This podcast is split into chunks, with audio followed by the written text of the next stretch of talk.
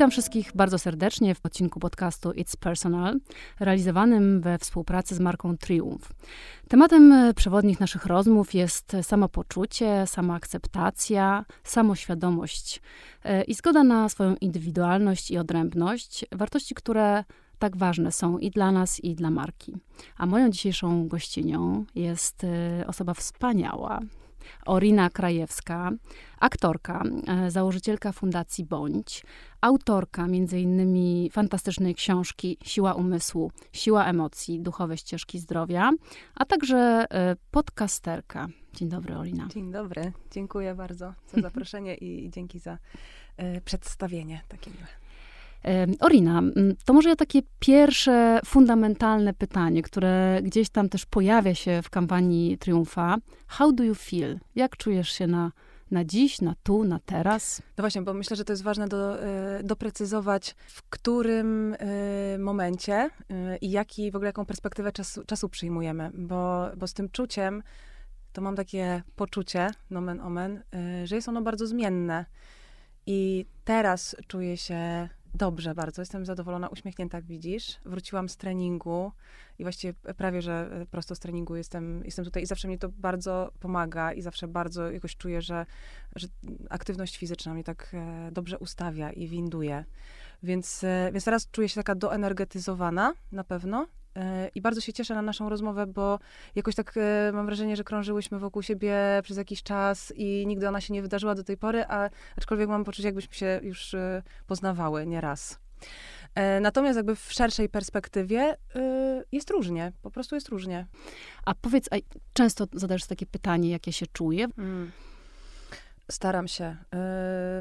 Staram się w ogóle trzymać takiego rytuału dnia, czy rytuału rytmu dnia, w którym są różne rytuały. To oczywiście tak brzmi górnolotnie, ale to się sprowadza do tego po prostu, do, do takiej systematyczności w codziennych działaniach i aktywnościach, które pozwolą mi właśnie skontaktować się na subtelniejszym poziomie z tymi emocjami, niż wtedy, kiedy one się same dobijają do głosu, bo tak jak powiedział właśnie w jednym z wywiadów do książki, e, o której wspomniałaś, czyli Siła umysłu, siła emocji, duchowe ścieżki zdrowia, czyli książki, która, e, którą wydałam z kilka miesięcy temu.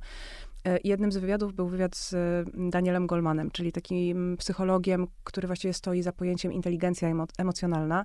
I teraz nie, nie, będę przytaczać całości tej definicji, bo jest ona rozbudowana, ale pamiętam z tego wywiadu, jak Daniel Goldman powiedział, że emocje właściwie e, są takim, takim naszym wektorem i barometrem i one zwracają uwagę to, na to, co w życiu jest najważniejsze w danym momencie.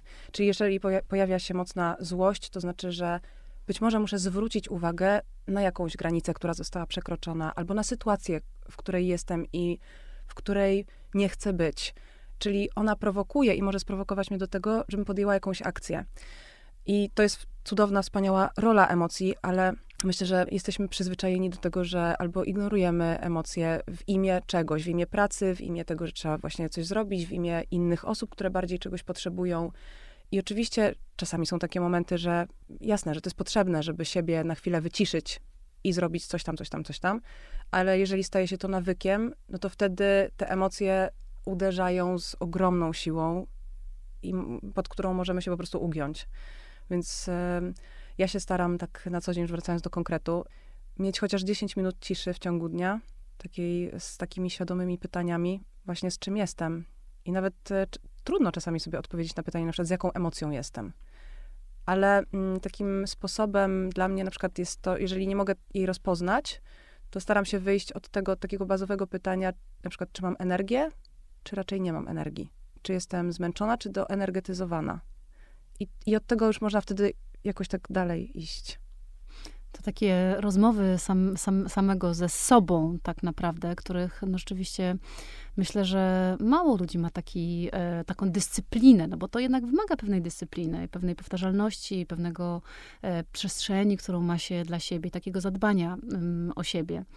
A mm, powiedz, czy, czy ty myślisz, że emocje dużo mówią o nas? Czy to jest takie źródło takiej wiedzy o nas? No bo też, no, myśl, no bo myślę, że to jest ważne, żeby też y, tak samoświadomości, prawda? Emocje stanowią o nas. Ja myślę, że on, one po prostu są nośnikiem jakiejś siły życiowej. Więc no, byliśmy już w świecie, wydaje mi się, że mm, właśnie od niego się odbijamy, od takiego ekstremalnego odcinania się od emocji. Teraz na szczęście ten, ta, ta inteligencja emocjonalna, świadomość emocjonalna, ona zaczyna wkraczać coraz bardziej też do edukacji, czyli coraz więcej e, się mówi o tym, jak ważne to by było, żeby system edukacji zaprosił rozpoznawanie emocji w ogóle do tego świata. Bo to jest w sumie, jak sobie o tym jak ja sobie o tym pomyślałem, no to mi się wydaje, że to jest dosyć w ogóle przedziwne, że, że my się uczymy tak bardzo technicznie, że przechodzimy przez edukację, nie ucząc się podstawowych rzeczy o sobie, o relacjach z innymi ludźmi, o tym, o wartościach, o tym, jak w ogóle nawigować w takim, na takim społecznym poziomie. A jesteśmy ze sobą połączeni po prostu, a, nau- a jakoś tak zabrnęliśmy do takiej iluzji, że w ogóle robimy rzeczy bez konsekwencji, czyli że wszystko, co zrobimy, to, idzie w próżnię i nigdy nie zapłacimy ceny za to. Że właśnie wieczne, nie wiem, wypieranie swoich emocji albo potrzeb też nie pozostawi w nas żadnego śladu. A tak naprawdę no, teraz zaczynamy płacić na różnych polach e, ten dług zaciągnięty, takie mam wrażenie. A powiedz, bo też trochę o tym jest twoja książka o sile umysłu. Czy ty uważasz, że te emocje są w umyśle? I czy my de facto mamy na to wpływ? Na co mamy wpływ? Eee, czekaj, czekaj, jak to, jak to dobrze, bo oczywiście jest to wszystko prześledzone, gdzieś tam tylko mi się to zawsze myli, czy, czy chyba emocja jest pierwsza, a potem dopiero jest myśl albo tak, myśl. Tak, chyba tak, tak jest, no, nie? że to idzie takim, Mhm. dokładnie. W ogóle uważam, że, znaczy tak, z własnego, z własnego przekonania głębokiego, w ogóle walka z emocjami jest, że to, to jest w ogóle jakaś walka z cieniem, że to jest bez sensu, że to trzeba odłożyć na półkę, a raczej przyjęcie, pogodzenie i tu trzeba bardzo rozgraniczyć też odczuwanie emocji od e, formy, jak, z jaką... e, Ekspresji o, dokładnie. Mhm. Ja, jak ją wyrażamy i jak się zdecydujemy ją wyrażać. Bo na przykład taka świadoma chwila, tak staram się nie nadużywać słowa medytacja, bo to jest bardzo różnie rozumiane przez, przez różne osoby, ale chodzi o to, żeby uczyć się wpuszczać I tutaj w książce akurat o tym super mówi Sharon Salzberg, którą bardzo, bardzo wam polecam, jako naprawdę niesamowitej klasy na, nauczycielkę e, medytacji i medytacji loving kindness, ale też mindfulness. Czyli, czyli ta, ten e, świadome uczenie się takiego wpuszczania powietrza pomiędzy to, co czuję, czego doświadczam, a moją reakcję, jest właśnie kluczem do takiego budowania świadomego życia, no bo wtedy zaczynam wybierać. Mam wpływ na to, nie, nie jestem po prostu dyktowana moimi automatyzmami, a każdy z nas działa na automacie, a zaczynam, no właśnie, widzieć, że okej, dobra, nie wiem, wzbiera we mnie właśnie złość albo i, i powiedzmy naturalną moją, nie wiem, reakcją to jest po prostu, nie wiem, zbić szklankę, powiedzmy. Ale mogę wziąć oddech i zastanowić się, jak inaczej mogę doświadczyć tej złości, nie wypierając jej, ale nie robiąc, powiedzmy, nikomu krzywdy, Mhm. ani sobie. To prawda, bo to jest ta różnica między byciem emocją, a obserwowaniem Mm. tej emocji w sobie. A powiedz, bo też no, tak się potocznie przyjęło, że te emocje się dzielą na dobre i złe, szczególnie jakby w kontekście kobiet i takiego, mm, nie wiem, oczekiwań wobec nas i też oczekiwań samych kobiet wobec siebie, no bo mówmy się, że jesteśmy naszymi największymi cenzorkami na koniec. No to w takim świecie, w którym żyjemy to nowe pokolenie, które jest pokoleniem e, alfa i każdy chce być inny, każdy ma prawo być sobą, stanowić o siebie, być inny, wręcz chce być inny, to myślisz, że e, w tym świecie te, te, ten podział na te emocje złe, czyli nie wiem, tam złość, jakąś agresję i dobre, czyli miłość i uwielbienie, czy to w ogóle ma rację bytu? Można to tak wartościować? Myślę, że taki klasyczny podział to już jest taka prehistoria właściwie, że, że już przecież odchodzi się od takiego stygmatyzowania właśnie e, emocji na negatywne i pozytywne. Czyli, że nie wiem, właśnie złość, smutek należą do tych negatywnych, a właśnie e, radość e, jest pozytywna. Teraz e, bardziej się mówi o tym, że są trudne emocje, bo, bo, bo one są trudne, więc ja, ja też bym jakby nie szła w taki ekstremum, wiesz, z, z drugiej strony, że e, równamy wszystko, bo ja osobiście jakby no nie, nie przepadam za, nie, za niektórymi emocjami i właśnie należą do nich powiedzmy i smutek, i złość. No nie lubię być zła, ale to nie znaczy, że, że złość jest negatywna, bo ona mi też daje dużo, dużo, dużo zwrotnych informacji. Każda emocja jest po coś. No nie wiem, zazdrość też jest po coś. Więc ja bym bardziej to widziała w taki sposób, żeby się przyjrzeć temu, co one dają, bo każda z nich coś daje yy, i próbowała i tak staram się sama nad tym pracować, teraz eksperymentować yy, z takimi tru, tymi trudnymi emocjami, że zobaczyć, gdzie jest, gdzie jest ich granica. Że powiedzmy, przeżywam coś, co jest dla mnie dyskomfortowe, próbuję zmienić tory w momencie, kiedy to zaczyna być dla mnie za dużo. Czyli, czyli oczywiście to jest trudne, no to jest taki, ale wiesz, w ogóle takie traktowanie siebie jako laboratorium jest ciekawe i lubię, to, to mi bardzo pomaga, że, mm, że mm, właśnie nabieram trochę dystansu do siebie, że nie traktuję siebie tak strasznie serio. I tak to widzę. Aczkolwiek na przykład właśnie z Danielem Goldmanem, jak rozmawiałam, to on powiedział, że są, są niektóre emocje, które są po prostu dla nas toksyczne na, na poziomie ciała nawet. I też nie ma co pomijać i ignorować tego faktu, bo Jakiś takim w ogóle dla, dla, mnie chyba tematem przewodnim w życiu jest szukanie równowagi, więc wszystko, co jest w nadmiarze, finalnie staje się dla nas obciążające, właśnie ujawnia się druga strona medalu tego. A jak tak siebie obserwujesz, to laboratorium bardzo mi się podoba, bo mam podobnie, więc też, też tak słucham cię i tak odbijam się prawie, że e, jak w lustrze. A powiedz, a lubisz siebie? Jak tak e, sobie myślisz? To jest bardzo trudne pytanie. Myślę, że lubię siebie. Wychodzę na pewno z takiego, ojej, że, że nie, lub, nie lubiłam kiedyś siebie, na pewno. W takim, wiesz, okresie dorastania i takie to było strasznie burzliwe. I ta droga do siebie, do, do takiego rozpoznawania siebie, godzenia się z sobą była dosyć długa u mnie. Ale tak, teraz bym powiedziała, że lubię siebie. A jest to związane z samooceną? Bo też jest dużo, dużo się o tym mówi, że to lubienie, ta akceptacja, ale myślę, że, no właśnie, jak, jak to jest z tą samooceną według ciebie? No bo mm, ja mam takie poczucie, że to rzadko kiedy jednak jest wewnętrzne, ale jednak jest związane z taką oceną zewnętrzną. O, tak, na pewno. Myślę, że w ogóle to, to właśnie to lubienie siebie jest ba bardzo, bardzo połączone i skorelowane z tym, jak dużą uwagę e, poświęcamy temu, co jest na zewnątrz, jak bardzo to, co na zewnątrz nas, jakby, gdzie nas plasuje, gdzie nas, jak, jak, bar jak bardzo tą e, samoocenę Y, pozostawiamy temu, co na zewnątrz, tym bardziej ona będzie niestabilna. Więc to jest zawsze takie wracanie i osadzanie siebie w sobie. No nie wiem, czy mówię jakby mm, składnie, ale, ale ogólnie jakieś takie mam poczucie, że to jest jednak swojego rodzaju takim falowaniem. Że to nigdy nie jest taki stan, który jest do osiągnięcia raz na zawsze. I oczywiście z biegiem czasu, jak pracuję nad sobą, jak mam, nie wiem, lata terapii za sobą, jak y, jestem zainteresowana różnymi narzędziami, które pozwalają mi jakoś bardziej właśnie się w sobie osadzić, siebie rozpoznać, to tym bardziej siebie lubię, bo wiem, gdzie jest moja granica, bo wiem, że na przykład to, że y, nie chcę zostać na imprezie do czwartej, ale wychodzę o dwunastej, nie oznacza tego, że jestem, nie wiem, po prostu ktoś mnie oceni za to, tylko robię to z szacunku dla siebie, bo wiem, że moja, nie wiem, że, że po prostu jestem zmęczona, albo nie mam na coś siły. I to jest okej, okay. a może za tydzień będę chciała zostać do piątej i to też będzie spoko, nie? Ale to jest właśnie ciągłe takie, takie dla mnie takie wracanie do przede wszystkim rozpoznawania i, i takiego szacunku dla, dla tych wewnętrznych impulsów, potrzeb i akceptacji ich jako, ale to widzisz, to, tutaj to się wiąże z, taką, z takim poczuciem indywidu- i zgodą na to, że jestem, jestem jaka jestem, w sensie jestem sobą, i to, że 10 osób po prostu zrobi coś innego, to nie oznacza, że, że to, że ja robię inaczej jest, jest gorsze, no nie? Byłaś inna? Czułaś się inna?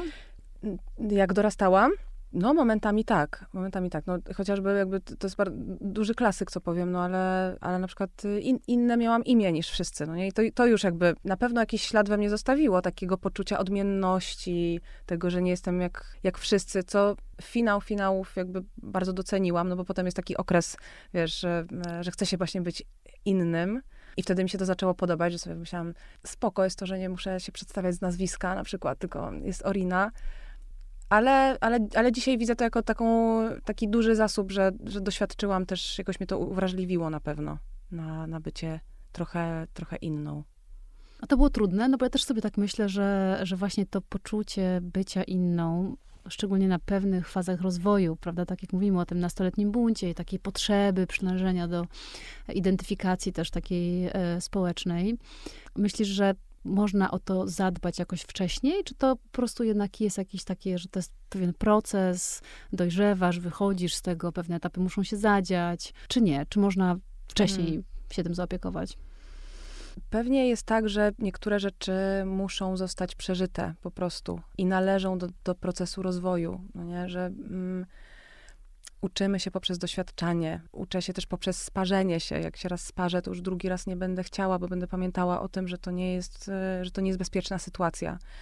Więc na pewno no nie, nie da się e, przejść przez życie taką kompletnie suchą nogą, aczkolwiek mam nadzieję, że teraz e, już dzieciakom jest trochę łatwiej niż było, nie wiem, w latach 90., a to jest naszą rolą e, akurat, e, myślę, że to jest budowanie takiego świadomego podejścia na poziomie społecznym, czyli takiego, które jest otwarte i wrażliwe na różnorodność, które właśnie widzi, słyszy i reaguje odpowiednio na emocje, e, na sygnały, na, i w, ogóle jakby traktuje siebie wzajemnie po partnersku.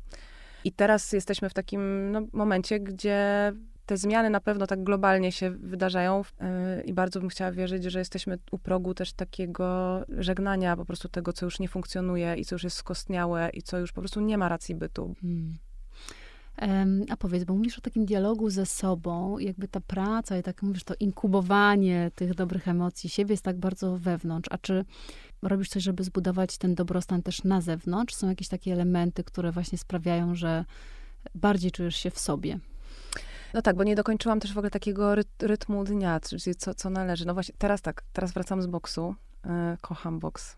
To jest e, naprawdę, to jest, e, okazało się, że to jest moja miłość. Jakaś godzina szczęścia w tygodniu, naprawdę, to jest wspaniałe. Więc dokładam jakby do tego wszystkiego teraz boks, do takiego mojego pudełeczka, żeby nie powiedzieć boksu, różnych narzędzi, które pomagają w tym. Bardzo długo mi towarzyszy yoga i yoga jest taką moją aktywnością, akurat, którą już wiele lat temu e, zaprosiłam i wiem, że wiem, że działa na poziomie nie tylko ciała, wzmacnia, ale bardzo mi pozwala się kontaktować z sobą. To jest, to jest tak proste jak zdrowe i dobre jedzenie. Dbam o to, po prostu. Dbam o to, żeby jeść odżywczo i na, ta, tak jak wiem, że mi to służy, to naprawdę czuję się lepiej, że jak zjem coś niedobrego, zjem po prostu bochenek chleba na obiad, no to po prostu pójdę spać potem i będę przez cztery godziny dochodzić do siebie, no. A jak zjem, y, nie wiem, zupę i ciepłe warzywa albo coś po prostu, co też mi smakuje, bo to też o to chodzi, żeby zapraszać jakieś y, walory nie tylko smakowe i jakby tak traktować to bardzo mechanicznie, ale po prostu coś, co dobrze wygląda, co po prostu daje sobie tę chwilę na to, co jest y, aromatyczne, no to mam tak, od razu mam więcej energii, czuję się dobrze, jestem zadowolona. Do tego jest oczywiście sen. Jak się nie wyśpię, to się czuję gorzej. Do tego są przyjaciele, wiadomo, czyli relacje i rozmo rozmowy po prostu, z, no nie wiem, bez nas, bo to też tak można mówić oczywiście o tym, co, co dla siebie, dla siebie, dla siebie, ale wymiana jest jakiś dla mnie taką treścią życia, no po prostu funkcjonuje też z ludźmi. Nie wiem, fundac w fundacji mamy, to jest jakby, jest 10 albo więcej filarów, na której fundacja stoi. Na pewno dla mnie też y, jakiś taki bardzo, bardzo budujące jest od, y, odłożenie telefonu. Pójście na spacer bez telefonu, nie liczę wtedy kroków. To jest jakby, tutaj walczę ze sobą zawsze, ale ale, to, ale naprawdę godzina powiedzmy, taka, bo też nie noszę zegarka, więc w ogóle to, to już jest jakby eksperyment taki, żeby puścić kontrolę. To jest bardzo ciekawe.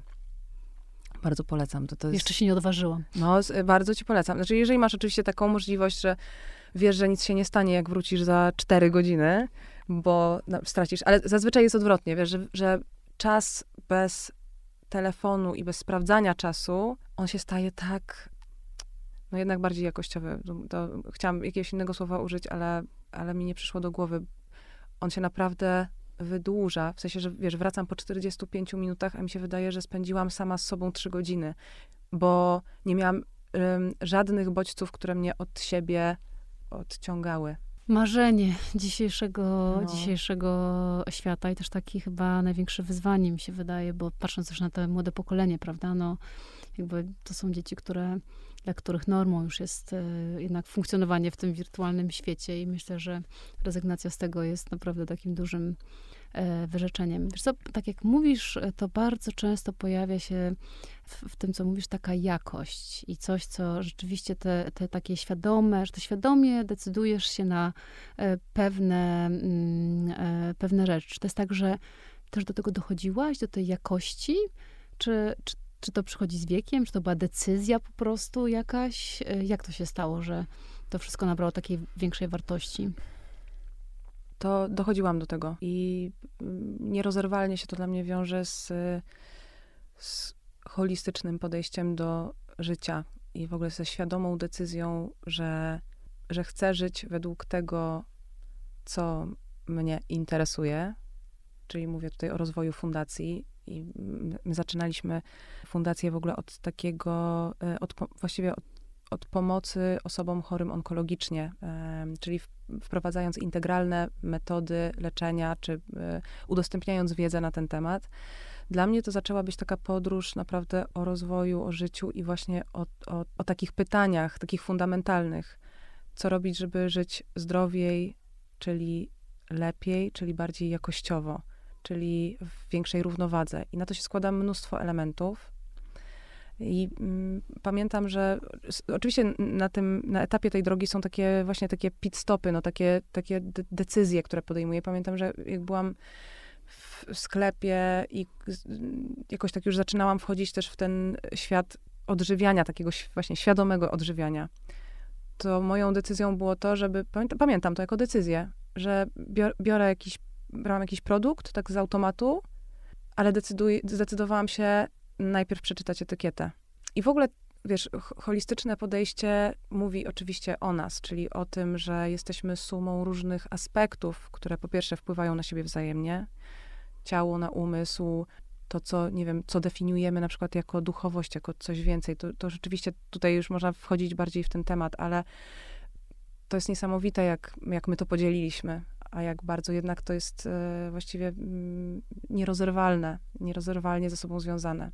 Ale e, to jest jakby ten, ten poziom taki właśnie wewnętrzny, a, a jest, jeszcze jest poziom takiego holistycznego w ogóle patrzenia na świat, że nie jesteśmy właśnie odrębni od natury, nie jesteśmy odrębni od siebie wzajemnie na pewnych poziomach.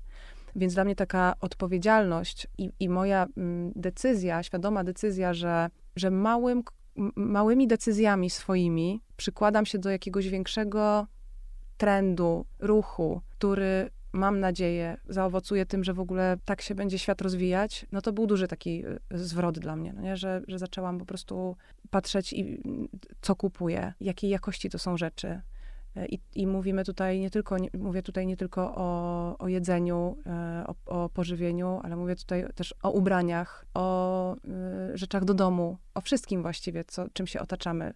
Bo wiesz, je, jeszcze jedna, przypomniała mi się rzecz, kiedy kiedyś rozmawiałam do pierwszej książki z y, dietetyczką Cornelią Westergaard, która powiedziała o tym, że mm, i to jakoś tak zapadło mi w pamięć. I właśnie chyba było na, tam, na, na tamtym etapie było takim tym... Triggerem. Tak, takim. takim, dokładnie, tak, że mnie tak popchnęło ku tej decyzji.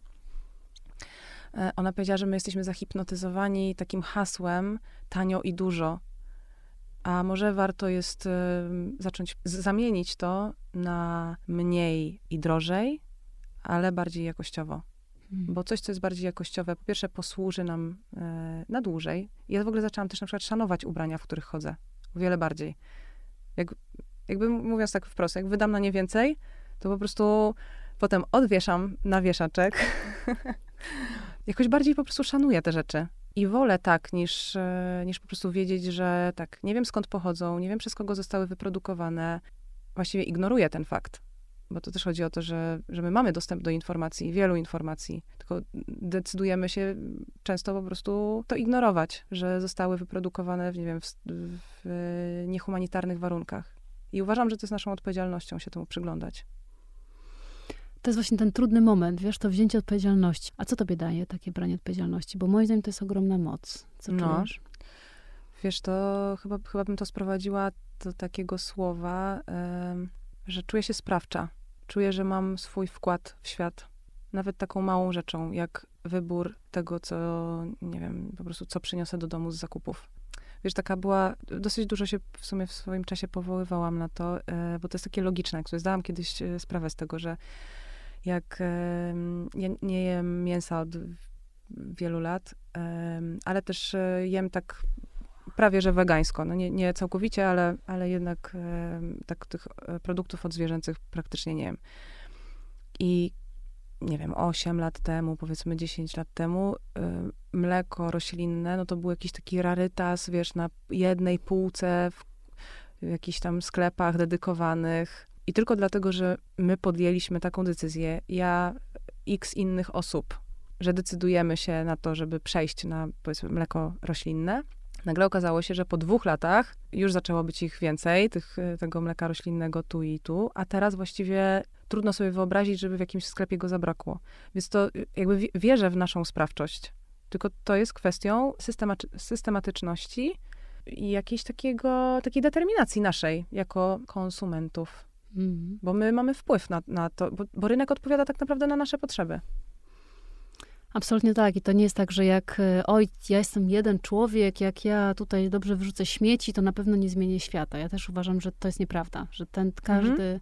każde to ziarenko tak naprawdę i każdy dobry uczynek e, składa się, tak jak powiedziałaś, w takie komunalne uczynki tak, i one tak, tak naprawdę tak, realnie zmieniają świat i mają na nie tak. wpływ. Szczególnie, że teraz e, takim, tą dobrą stroną medalu telefonów chociażby e, jest, jest to, że informacja idzie w świat bardzo szybko więc te zmiany są naprawdę szybkie. Kiedyś one pewnie by zajęły 50 lat, a teraz nam zajmują 2 lata. Jak nie krócej. Jak nie krócej, dokładnie. Mm. Tak sobie myślę, bo masz duże zaufanie do siebie, a wydaje mi się, że to wcale nie jest takie oczywiste. I oczywiście, że to chodzi o tą taką wewnątrz sterowalność, czyli ty wiesz, co jest dla ciebie dobrze, tak jak powiedziałeś, weryfikujesz, czy to jest dla mnie dobre, czy nie.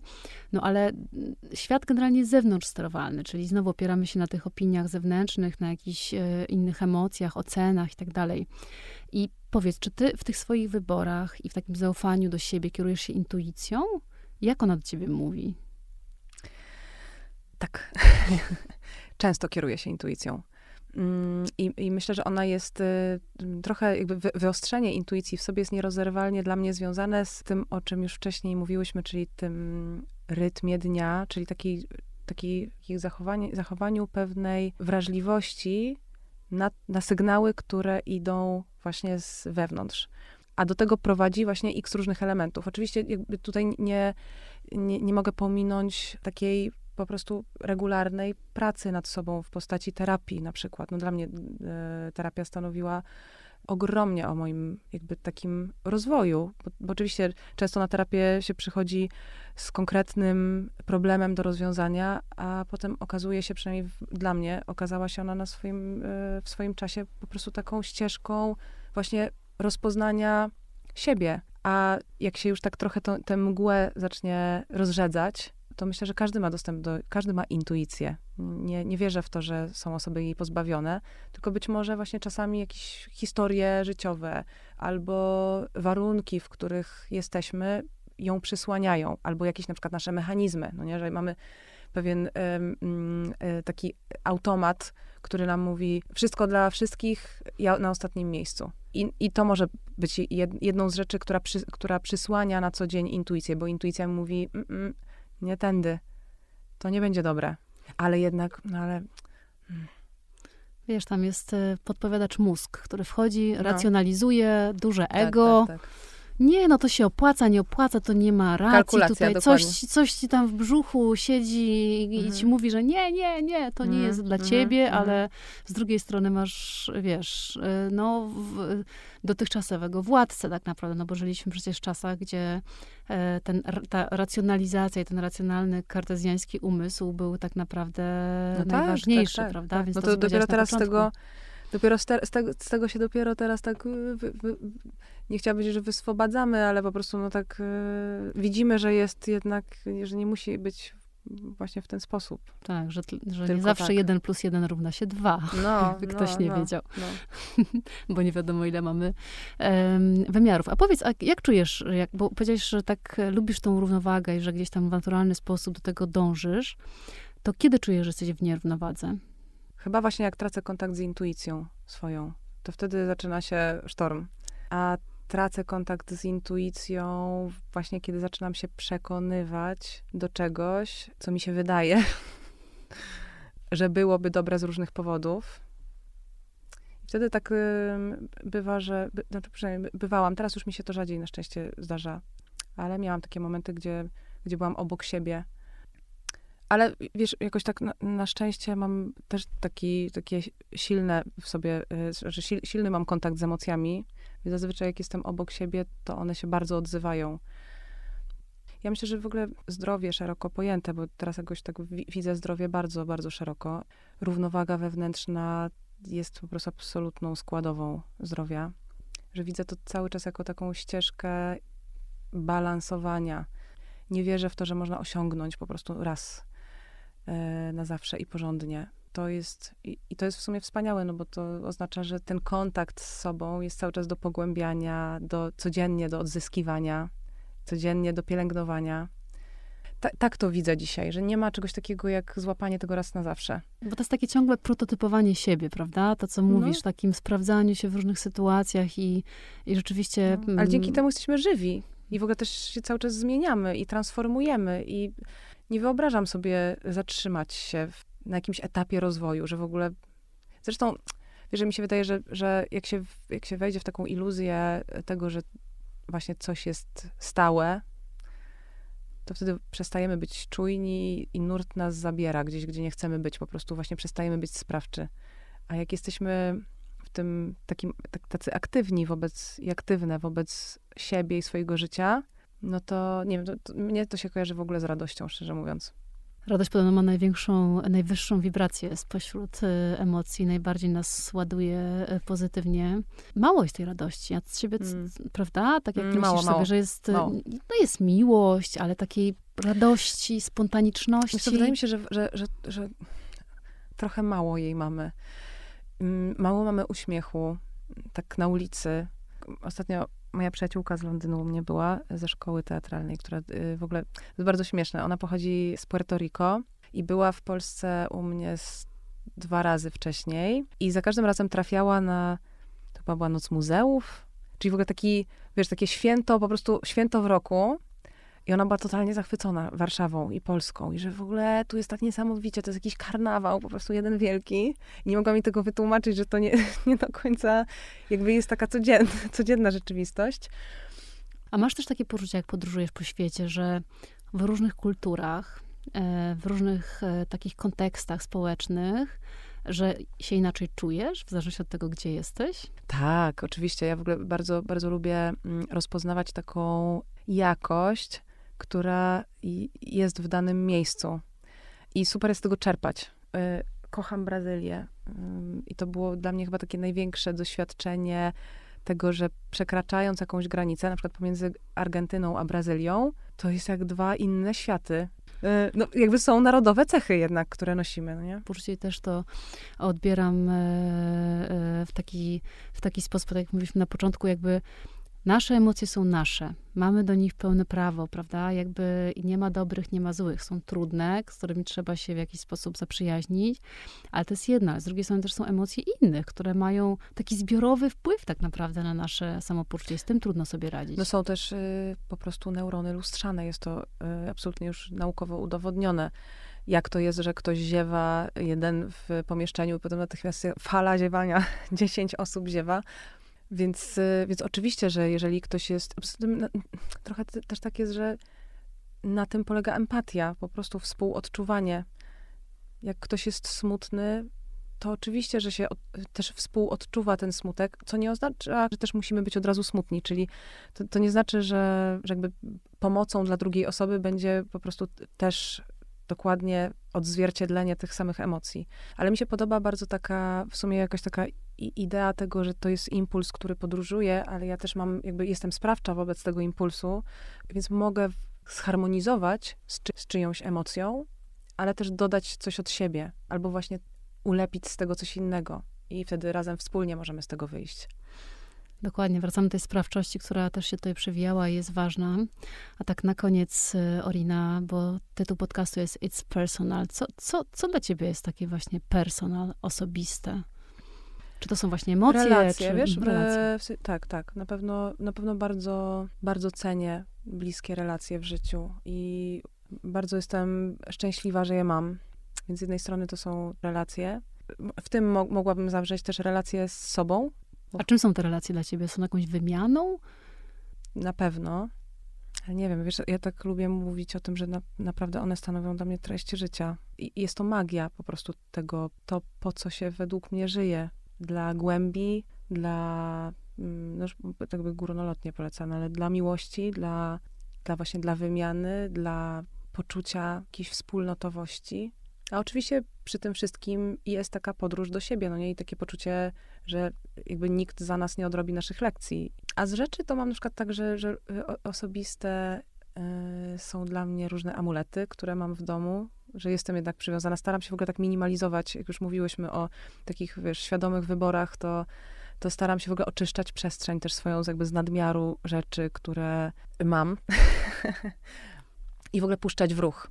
To też jest, to też jest spoko, żeby tak się nie, nie trzymać kurczowo, ale na przykład mam takie, takie coś, co jakiś kamyczek. I to w ogóle, to nie jest nic, nic specjalnego, ale jakby w ogóle jestem dosyć sentymentalną osobą. Więc, e, więc się przywiązuję i dużo emocji e, potrafię jakby ulokować gdzieś w czymś. A to jest też, też fajne, żeby się kontaktować z jakimiś emocjami albo z jakimś stanem poprzez jakiś przedmiot. To, to też jakby, w ogóle pierwszy raz to formułuję, wiesz, to jest ciekawe. E, że teraz pomyślałam o takim kamieniu, który mam, który bardzo lubię. I on dla mnie symbolizuje po prostu pewien taki właśnie, te, na przykład te 10 minut ciszy, no nie, że ja jakby lubię go mieć przy sobie wtedy, bo mi jest łatwiej. Taki katalizator trochę, albo taki symbol czego, mhm. czegoś. Mhm. Mm, wspaniale. Dziękuję, Orina, za, za, za tą rozmowę. Dziękuję za tę taką e, wycieczkę trochę w głąb ciebie i, i pokazanie tego laboratorium, które tam się odbywa, jest takie piękne i może być takim wspaniałym przykładem e, do tego, żeby być sobą po prostu i żeby lubić siebie, bo to jest też ważne i żeby lubić siebie też trzeba znać siebie, żeby znać siebie trzeba mieć kontakt ze swoimi emocjami, trzeba się zaakceptować, bo to też jest e, bardzo ważne. Dziękuję. Ja ci dziękuję, Ania, za wspaniałe pytania. Py pytania, wyzwania. Przez, przez niektóre ścieżki szłam pierwszy raz na przykład pytana, więc e, dzięki.